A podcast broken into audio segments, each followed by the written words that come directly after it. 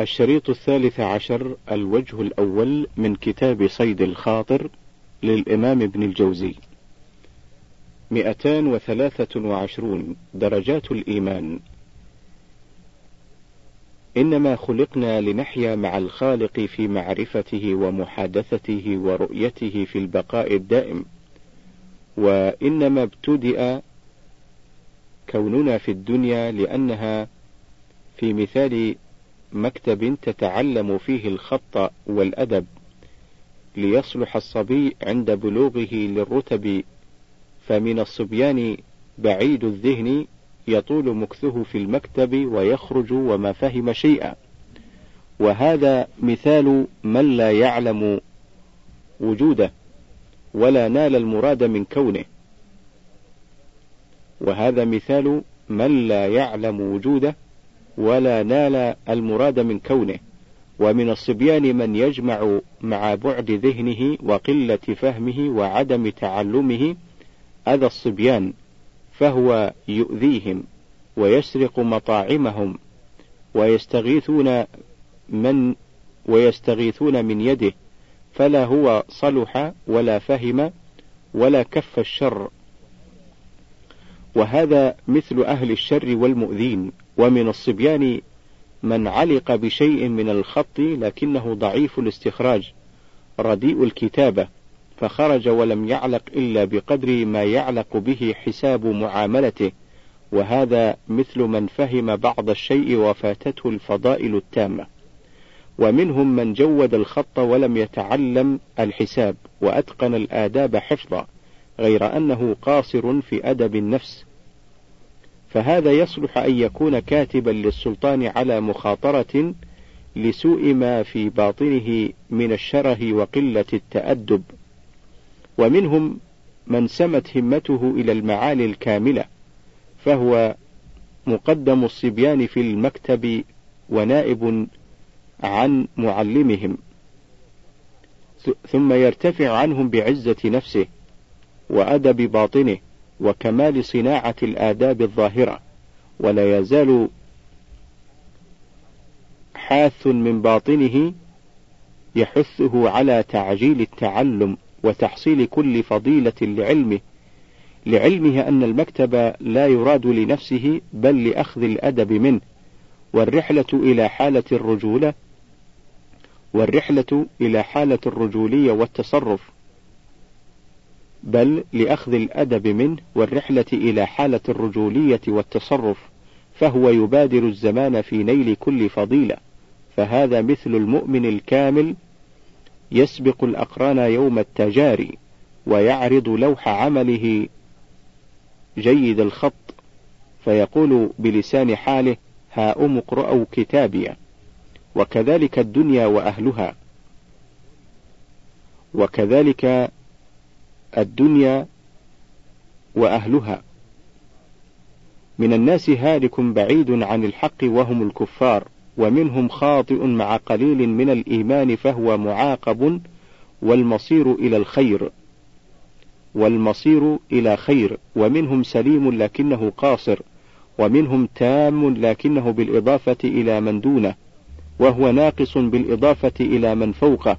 فالبدار البدار يا أرباب الفهوم فإن الدنيا معبر إلى دار إقامة، وسفر إلى القرب من السلطان ومجاورته، فتهيأوا للمجالسة واستعدوا للمخاطبة، وبالغوا في استعمال الأدب لتصلحوا للقرب من الحضرة، ولا يشغلنكم عن تضمير الخيل تكاسل، وليحملكم على الجد في ذلك تذكر يوم السباق، فإن قرب فإن قرب المؤمنين من الخالق على قدر حذرهم في الدنيا ومنازلهم على قدرهم. فإن قرب المؤمنين من الخالق على قدر حذرهم في الدنيا ومنازلهم على قدرهم.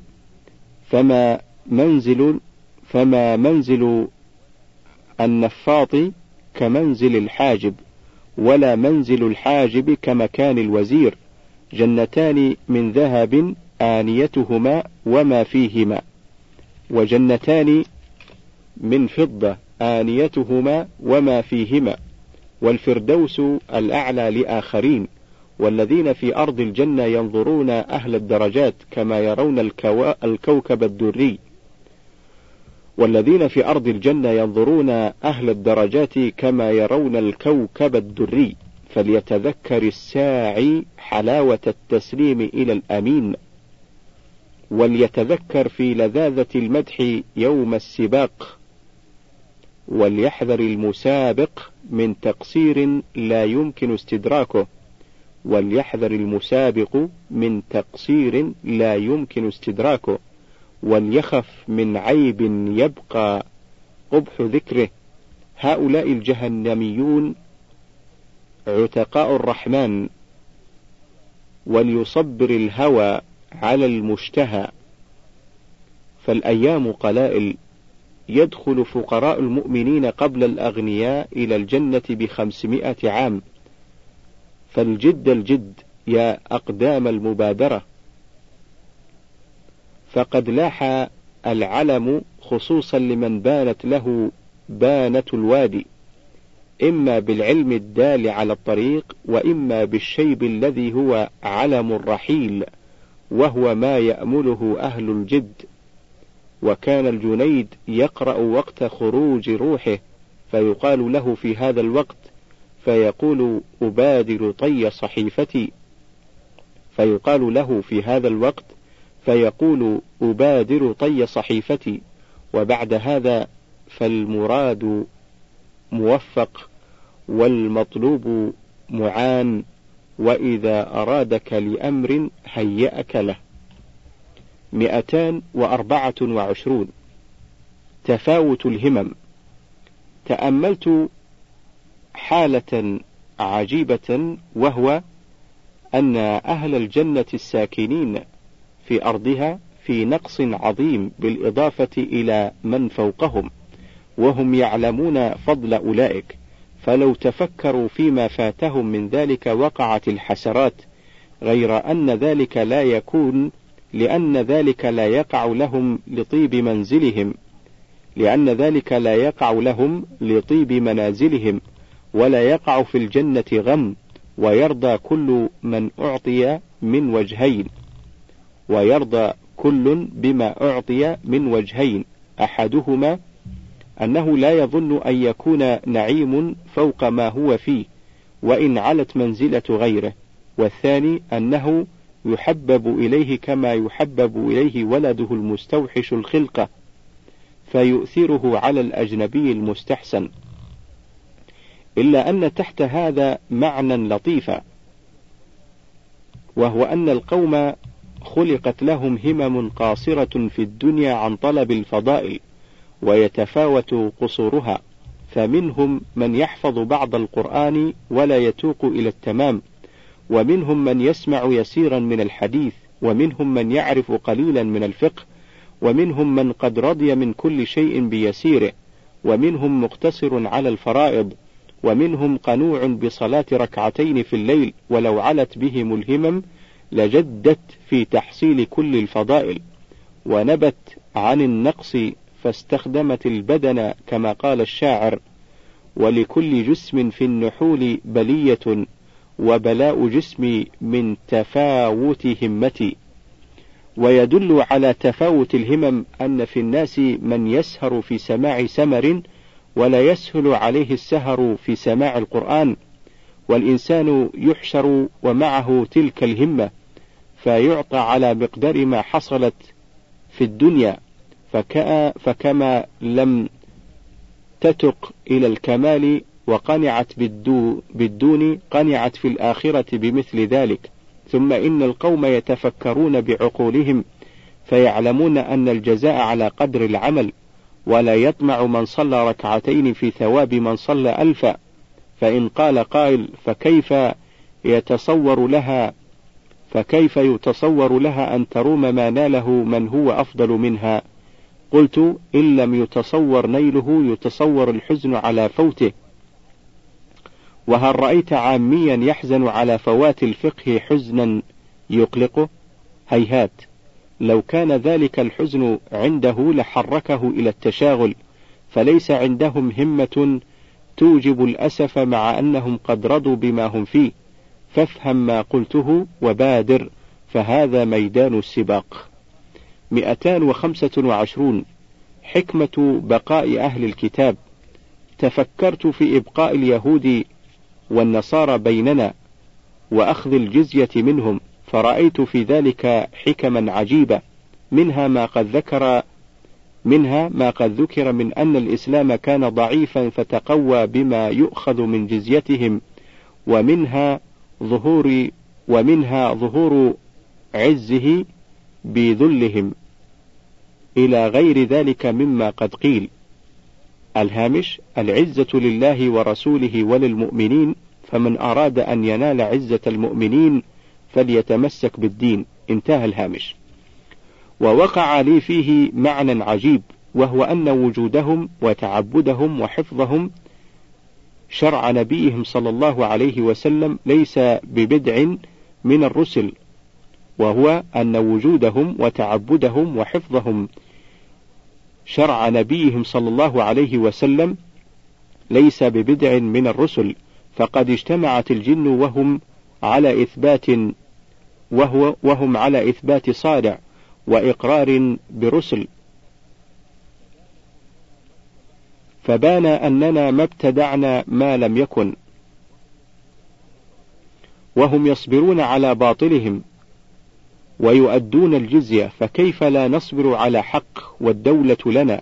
وفي بقائهم احترام لما كان صحيحا من الدين وليرجع متبصر وليستعمل مفكر. 226 الاشتغال بفن واحد. قد ثبت بالدليل شرف العلم وفضله إلا أن طلاب العلم افترقوا فكل تدعوه نفسه إلى شيء. فمنهم من أذهب عمره في القراءات وذاك تفريط في العمر لأنه إنما ينبغي أن يعتمد على المشهور منها لا على الشاذ وما أقبح بالقارئ أن يسأل عن مسألة في الفقه وهو لا يدري أن يسأل عن مسألة في الفقه ولا يدري وليس ما شغله عن ذلك إلا كثرة الطرق في روايات القراءات. الهامش أما قراءة القرآن بأنغام الغناء وأخذ الأجرة عليه فكلاهما لا يجوز. انتهى الهامش. ومنهم من يتشاغل بالنحو وعلله فحسب ومنهم من يتشاغل باللغة فحسب ومنهم من يكتب الحديث ويكثر ولا ينظر في فهم ما كتب. وقد رأينا في مشايخنا المحدثين من كان يسأل عن مسألة في الصلاة وقد رأينا في مشايخنا المحدثين أو المحدثين من كان يسأل عن مسألة في الصلاة فلا يدري ما يقول وكذلك القراء وكذلك أهل اللغة والنحو. وحدثني عبد الرحمن بن عيسى الفقيه قال حدثني ابن منصور قال حدثني ابن المنصوري قال حضرنا مع أبي محمد بن الخشاب وكان إمام الناس في النحو واللغة فتذاكروا الفقه فقال سلوني ما فقال سلوني عما شئتم فقال له رجل إن قيل لنا رفع اليدين في الصلاة ما هو؟ فماذا نقول؟ فقال هو ركن فدهشت الجماعة من قلة فهمه. وإنما ينبغي أن يأخذ من كل علم طرفا ثم يهتم بالفقه ثم ينظر في مقصود العلوم وهو المعاملة لله سبحانه والمعرفة به والحب له وما أبله من يقطع عمره في معرفة علم النجوم. وإنما ينبغي أن يعرف من ذلك اليسير والمنازل لعلم الأوقات. فأما النظر فيما يدعى أنه القضاء والحكم فجهل محض. فأما النظر فيما يدعى أنه أو يدعى أنه القضاء والحكم فجهل محض لأنه لا سبيل إلى علم ذلك حقيقة. وقد جرب فبان جهل مدعيه وقد جرب فبان جهل مدعيه. وقد تقع الإصابة في وقت وعلى تقدير الإصابة لا فائدة فيه إلا تعجيل الغم. لا فائدة فيه إلا تعجيل الغم فإن قال قائل يمكن دفع ذلك فقد سلم أن فقد سلم أنه لا حقيقة له وأبله من هؤلاء من يتشاغل بعلم الكيمياء. فإنه هذيان فارغ. الهامش الكيمياء في اصطلاحهم السعي لاكتشاف الإكسير الذي يحول المعادن كلها إلى ذهب. انتهى الهامش. وإذا كان لا يتصور وإن وإذا كان لا يتصور قلب الذهب نحاسا وإن كان وإذا كان لا يتصور قلب الذهب نحاسا لم يتصور قلب النحاس ذهبا. فإنما فاعل هذا مستحل للتدليس على الناس في النقود. هذا إذا صح له مراده وينبغي لطالب العلم أن يصحح قصده. إذا فقد الإخلاص إذا فقد الإخلاص يمنع قبول الأعمال. إذ فقد الإخلاص يمنع قبول الأعمال. وليجتهد في مجالسة العلماء والنظر في الأقوال المختلفة وتحصيل الكتب فلا يخلو كتاب من فائدة. الهامش كما أن كثيرا من الكتب لا تخلو من مضرة. وإنما يقصد المؤلف رحمه الله كتب الدين لا أمثال الكتب التي يقبل عليها الشباب اليوم. انتهى الهامش. فلا يخلو كتاب من فائدة وليجعل همته للحفظ ولا ينظر ولا يكتب ولا ينظر ولا يكتب إلا وقت التعب من الحفظ. وليحذر صحبة السلطان ولينظر في منهاج الرسول صلى الله عليه وسلم وأصحابه. ولينظر في منهاج الرسول صلى الله عليه وسلم والصحابة والتابعين وليجتهد في رياضة نفسه والعمل بعلمه ومن تولاه الحق وفقه. 227 الأصنام والحجارة. طال تعجبي من أقوام لهم أنفة وعندهم كبر زائد في الحد خصوصا العرب الذين من كلمة ينفرون ويحاربون ويرضون بالقتل حتى إن قوما منهم أدركوا الإسلام فقالوا كيف نركع ونسجد فتعلون أستاهنا.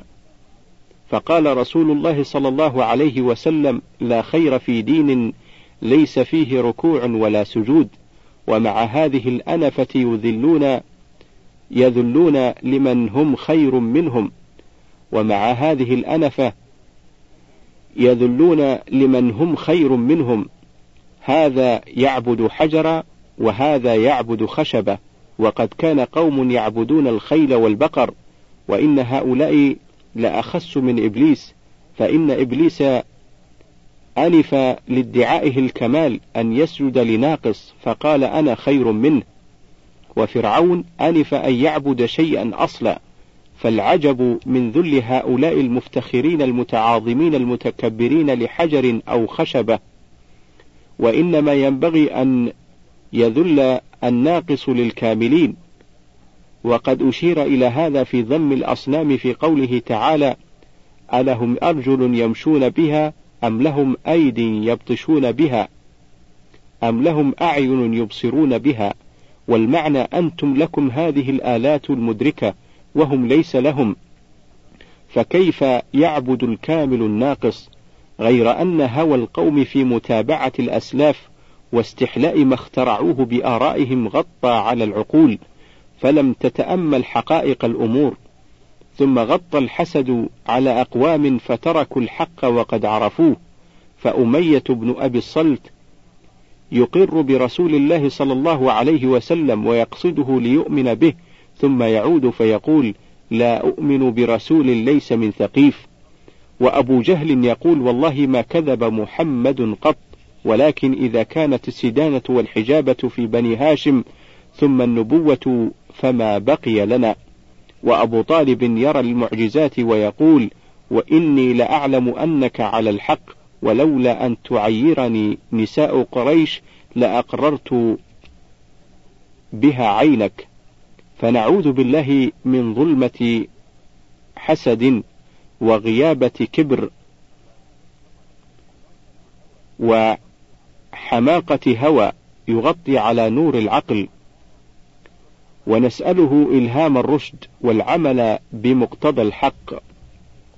228 جماعة من الصالحين.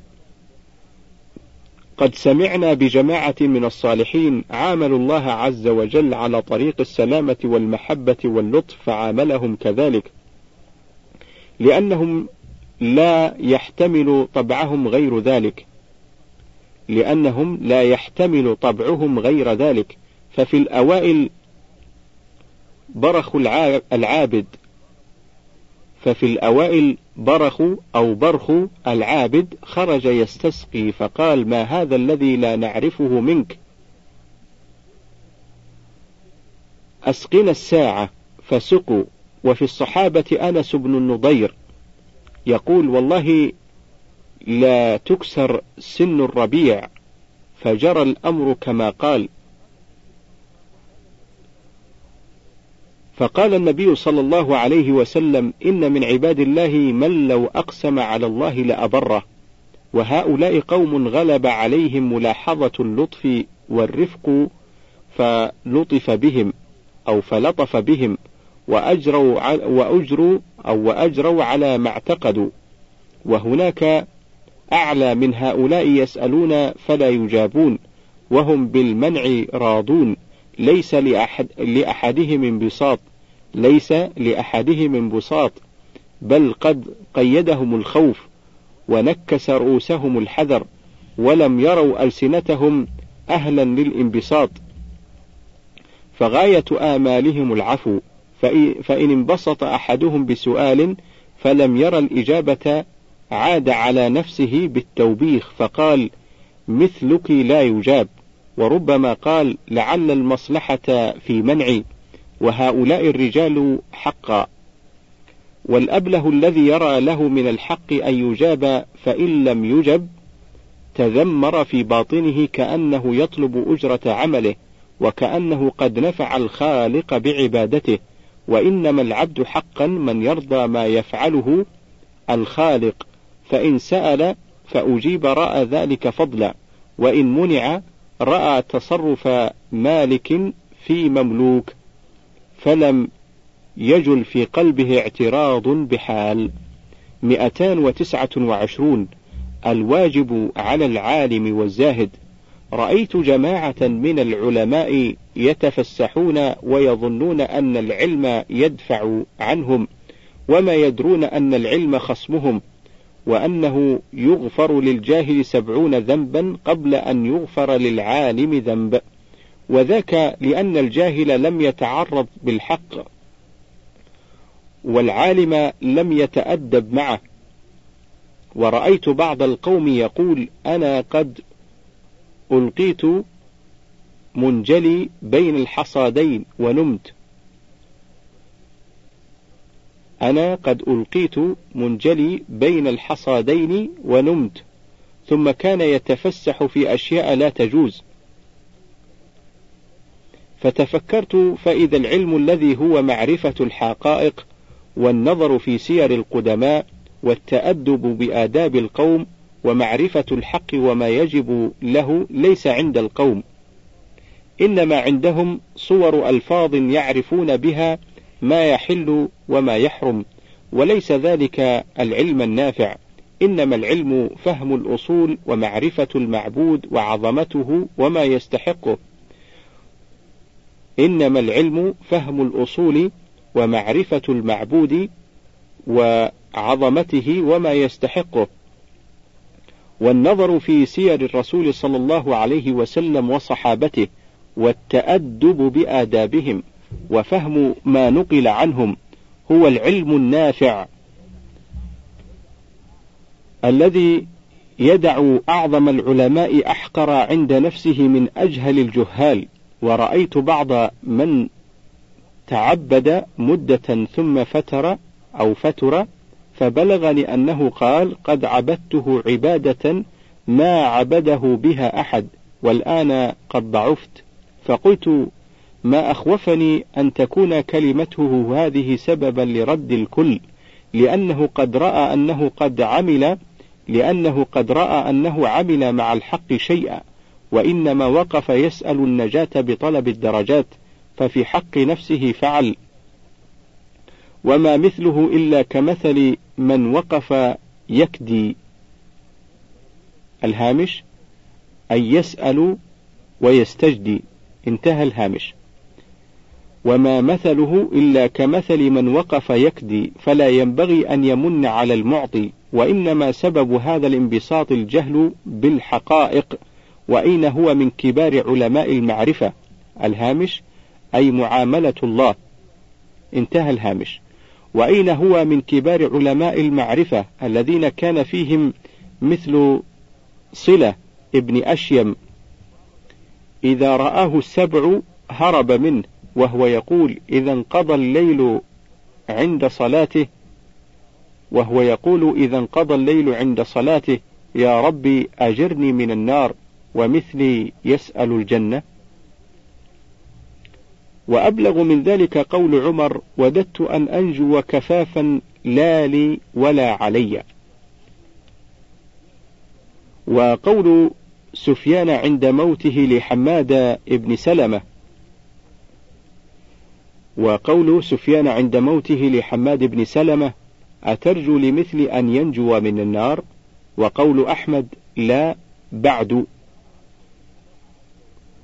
فأنا أحمد الله عز وجل إذ تخلصت من جهل المتسمين بالعلم من هؤلاء من جهل المتسمين بالعلم من هؤلاء الذين ذممتهم وبالزهد من هؤلاء الذين عبتهم فإني قد أطلعت من عظمة الخالق فإني قد اطلعت من عظمة الخالق وسير المحققين على ما يخرس لسان الانبساط ويمحو النظر إلى كل فعل وكيف أنظر وكيف أنظر إلى فعل المستحسن وهو الذي وهبه لي وأطلعني على ما خفي عن غيري. فهل ذلك بي أو بلطفه؟ وكيف أشكر توفيق الشكر؟ وكيف أشكر توفيق الشكر؟ ثم أي عالم إذا سبر أمور العلماء من القدماء لا يحتقر نفسه؟ هذا في صورة العلم. فدع معناه وأي عابد يسمع بالعباد ولا يجري في صورة التعبد؟ فدع المعنى. الهامش يريد أن يقول في صورته فضلا عن معناه معنى التعبد وحقيقته. انتهى الهامش. نسأل الله عز وجل معرفة تعرفنا أقدارنا حتى لا يبقى للعجب بمحتقر ما عندنا أثر في قلوبنا حتى لا يبقى للعجب بمحتقر بمحتقر ما عندنا أثر في قلوبنا ونرغب إليه في معرفة لعظمته تخرس الألسن أن تنطق بالإدلال ونرجو من فضله توفيقا نلاحظ به آفات نلاحظ به آفات الأعمال التي به التي بها نزه حتى تثمر الملاحظة لعيوبها الخجل من وجودها. إنه قريب مجيب. مئتان وثلاثون. الصبر والتسليم. سبب تنغيص العيش فوات الحظوظ العاجلة وليس في الدنيا طيب عيش على الدوام إلا للعارف الذي شغله رضا حبيبه والتزود للرحيل إليه. فإنه إن وجد راحة في الدنيا استعان بها على طلب الآخرة وإن وجد شدة اغتنم الصبر عليها.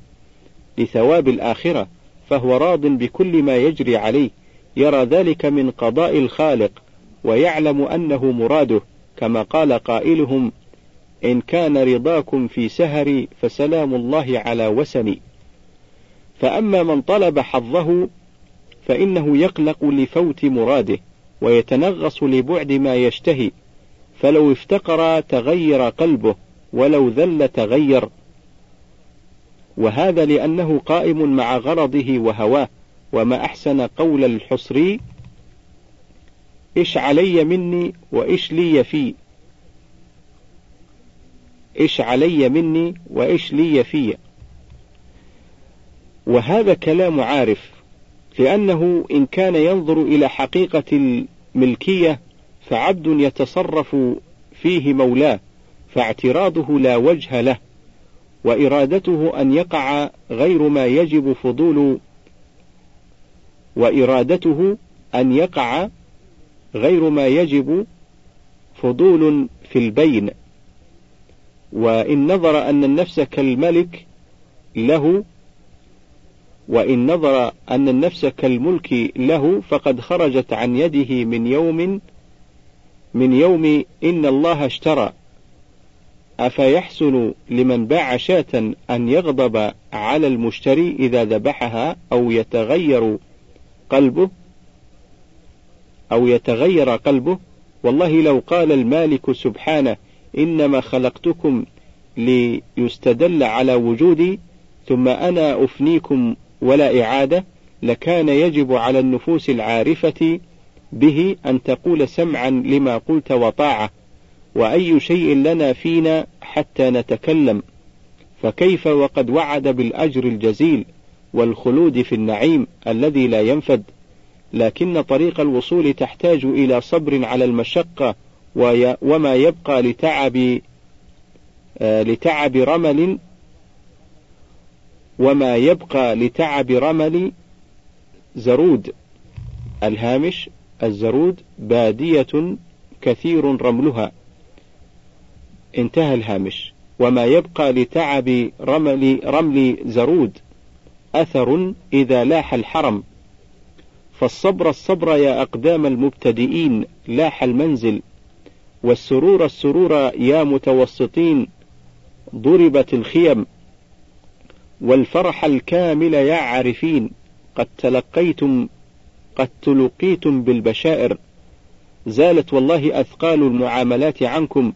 فكانت معرفتكم بالمبتلى حلاوة أعقبت شربة المجاهدة فلم يبق في الفم للمر أثر تخايلوا قرب المناجاة ولذة الحضور ودوار كؤوس الرضا عنكم فقد أخذت شمس الدنيا في الأفول ما بيننا إلا تصر تصرم هذه السبع البواقي. ما بيننا إلا تصرم هذه السبع البواقي حتى يطول حديثنا بصنوف ما كنا نلاقي. مئتان وواحد وثلاثون لا تركن إلى عدوك من التغفل أن تعاقب شخصا أو تسيء إليه إساءة عظيمة وتعلم أن مثل ذلك يجدد الحقد. فتراه ذليلا لك طائعا تائبا مقلعا عما فعل فتعود فتستطيبه وتنسى ما فعلت وتظن أنه قد امحى من قلبه. فربما عمل لك المحن ونصب لك المكايد كما جرى لقصير مع الزباء وأخباره معروفة. فإياك أن تساكن من آذيته بل إن كان ولا بد فمن خارج فلا تؤمن الأحقاد. ومتى رأيت عدوك فيه غفلة ومتى رأيت عدوك فيه غفلة لا يثنيه مثل هذا فأحسن إليه. فإنه ينسى عداوتك ولا يظن أنك قد أضمرت له جزاء على قبح. فعله فحينئذ تقدر على بلوغ كل غرض منه. ومن الخور إظهار العداوة للعدو. ومن أحسن التدبير التلطف بالأعداء إلى أن يمكن. ولو لم, يك ولو لم يمكن كان اللطف سببا في كف أكفهم عن الأذى.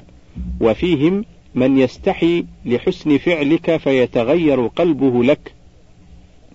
وقد كان جماعة من السلف إذا بلغهم أن رجلا قد شتمهم أهدوا إليه وأعطوه فهم بالعاجل يكفون شره ويحتالون في تقليب قلبه ويقع بذلك لهم مهلة لتدبير الحيل عليه إن أرادوا وكفى بالذهن الناظر إلى العواقب والتأمل لكل ممكن مؤدبا وكفى بالذهن الناظر إلى العواقب والتأمل لكل ممكن مؤدبا. مئتان واثنان وثلاثون. ربما كان المنع لطفا من الله بك. تفكرت في قول شيبان الراعي لسفيان يا سفيان عد منع الله إياك عطاء منه لك. فإن لم يمنعك بخلا إنما فإنه لم يمنعك بخلا إنما منعك إنما منعك لطفا. فرأيته كلام من عرف الحقائق فإن الإنسان قد يريد المستحسنات الفائقات فلا يقدر وعجزه أصلح له. لو لأنه لو قدر عليهن تشتتت قلبه إما بحفظهن أو بالكسف أو بالكسب عليهن. فإن قوي عشقه لهن ضاع عمره وانقلب هم الآخرة إلى الاهتمام بهن فإن لم يردنه فذلك فذاك الهلاك الأكبر وإن طلبنا نفقة لم يطقها كان سبب ذهاب مروءته وهلاك عرضه. وإن أردنا الوطأ وهو عاجز فربما أهلكنه أو فجرن وإن مات معشوقه هلك هو أسفا فالذي يطلب الفائق يطلب سكينا لذبحه وما يعلم. وكذلك إنقاذ قدر القوت فإنه نعمة. وفي الصحيحين أن رسول الله صلى الله عليه وسلم قال اللهم اجعل رزق آل محمد قوتا. ومتى كثر تشتت آه، تشتت الهم. فالعاقل من علم أن الدنيا لم تخلق للتنعيم فقنع بدفع الوقت في كل حال. مئتان وثلاثة وثلاثون. التعلل بالأقدار. رأيت جماعة من الخلق يتعللون بالأقدار فيقول قائلهم إن وفقت فعلت وهذا تعلل بارد ودفع للأمر بالراح وهو يشير إلى رد أقوال الأنبياء والشرائع جميعها. فإنه لو قال كافر للرسول إن وفقني أسلمت لم يجبه إلا بضرب العنق. وهذا من جنس قول الناس لعلي رضي الله عنه ندعوك إلى كتاب الله. فقال كلمة حق أريد بها باطل. وكذلك قول المتعللين عن الصدقة أنطعم من لو يشاء الله أطعمه؟ ولعمري إن التوفيق أصل الفعل ولكن التوفيق أمر خفي. والخطاب بالفعل أمر جلي فلا ينبغي أن يتشاغل عن الجلي بذكر الخفي.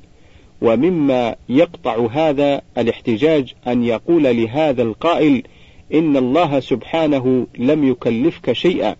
إلا وعندك أدوات إلا وعندك أدوات ذلك الفعل ولك قدرة عليه فإن كانت القدرة عليه معدومة والأدوات غير محصلة فلا أمر ولا تكليف وإن كنت تسعى بتلك الأدوات في تحصيل غرضك وهواك فاسعى بها في إقامة مفروضك. مثال ذلك أنك تسافر في طلب الربح وتسأل الحج فلا تفعل. ويثقل عليك الانتباه بالليل فلو أردت الخروج إلى العيد انتبهت سحرا. وتقف في بعض أغراضك مع صديق تحادثه ساعات فإذا وقفت في الصلاة استعجلت وثقل عليك. فإياك إياك أن تتعلق بأمر لا حجة لك فيه. ثم من نصيبك ينقص. ومن حظك يضيع فإنما تحرك لك وإنما تحرض لنفعك. فبادر فإنك مبادر بك.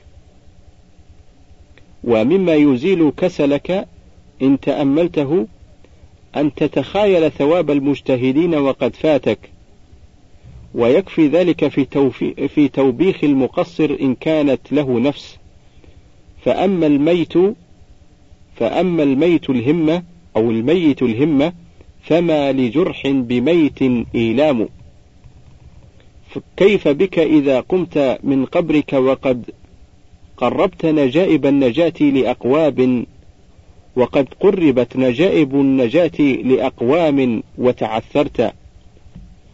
وأسرعت أقدام الصالحين على الصراط وتخبطت هيهات.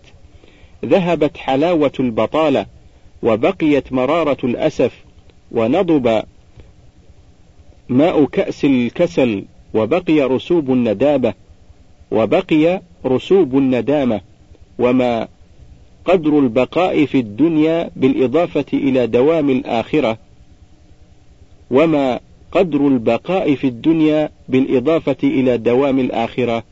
ثم فاقدر عمرك في الدنيا ونصفه نوم وباقيه غفلة. فيا خاطبا حور الجنة وهو لا يملك فلسا من عزيمة. افتح عين الفكر في ضوء العبر لعلك تبصر مواقع خطاك. فإن رأيت تثبطا من الباطن فإن رأيت تثبطا من الباطن فاستغث بعون اللطف وتنبه في الأسحار لعلك تتلمح مركب الأرياح وتعلق على قطار المستغفرين ولو خطوات وانزل في رباعة المجتهدين ولو منزلا. انتهى الوجه الأول وننتقل إلى الوجه الثاني.